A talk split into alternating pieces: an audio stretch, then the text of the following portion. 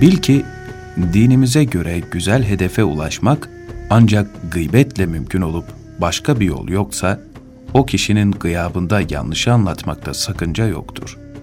Bu durum gıybetin günahını ortadan kaldırır. Bunlar altı başlığa ayrılır.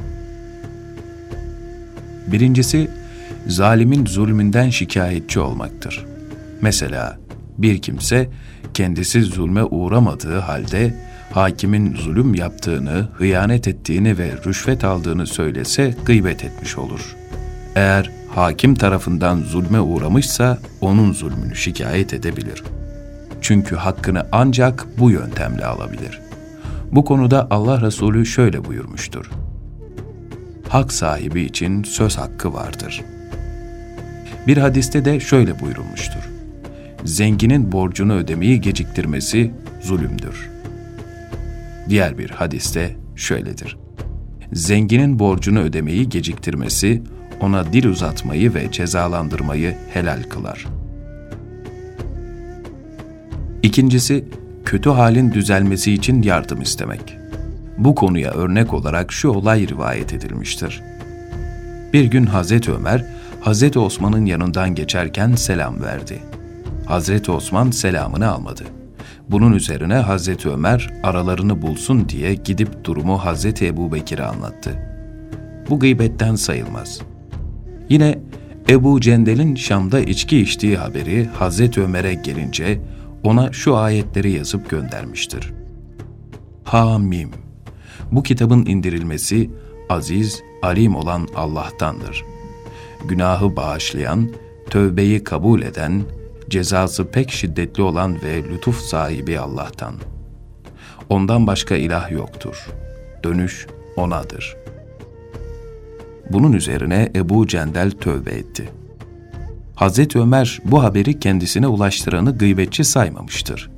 Çünkü o kişinin maksadı Hazreti Ömer'in o adamın yaptığı işi çirkin görüp ona kurtulması için yardımcı olmasıdır.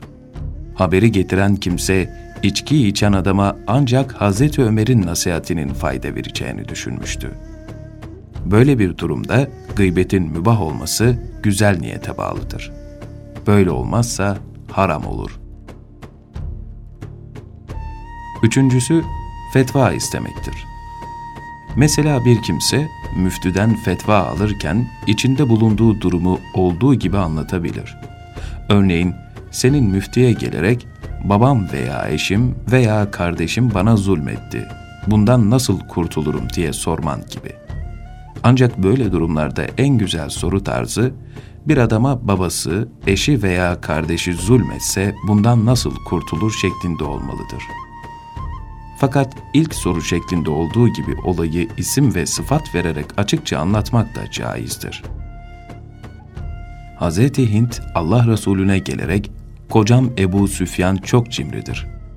Bana ve çocuğuma yetecek kadar nafaka vermiyor. Ondan habersiz malından alabilir miyim diye sorduğunda, Resulullah sallallahu aleyhi ve sellem normal olarak sana ve çocuğuna yetecek kadar al buyurmuştur. Burada Hazreti Hind'in maksadı fetva sormak olduğu için kocasının cimri olup kendisine ve çocuğuna bakmadığını söylediği halde Allah Resulü sallallahu aleyhi ve sellem onu engellememiştir. Gıybetin günahını ortadan kaldıran durumların anlatıldığı altı başlıktan üçü bunlardır.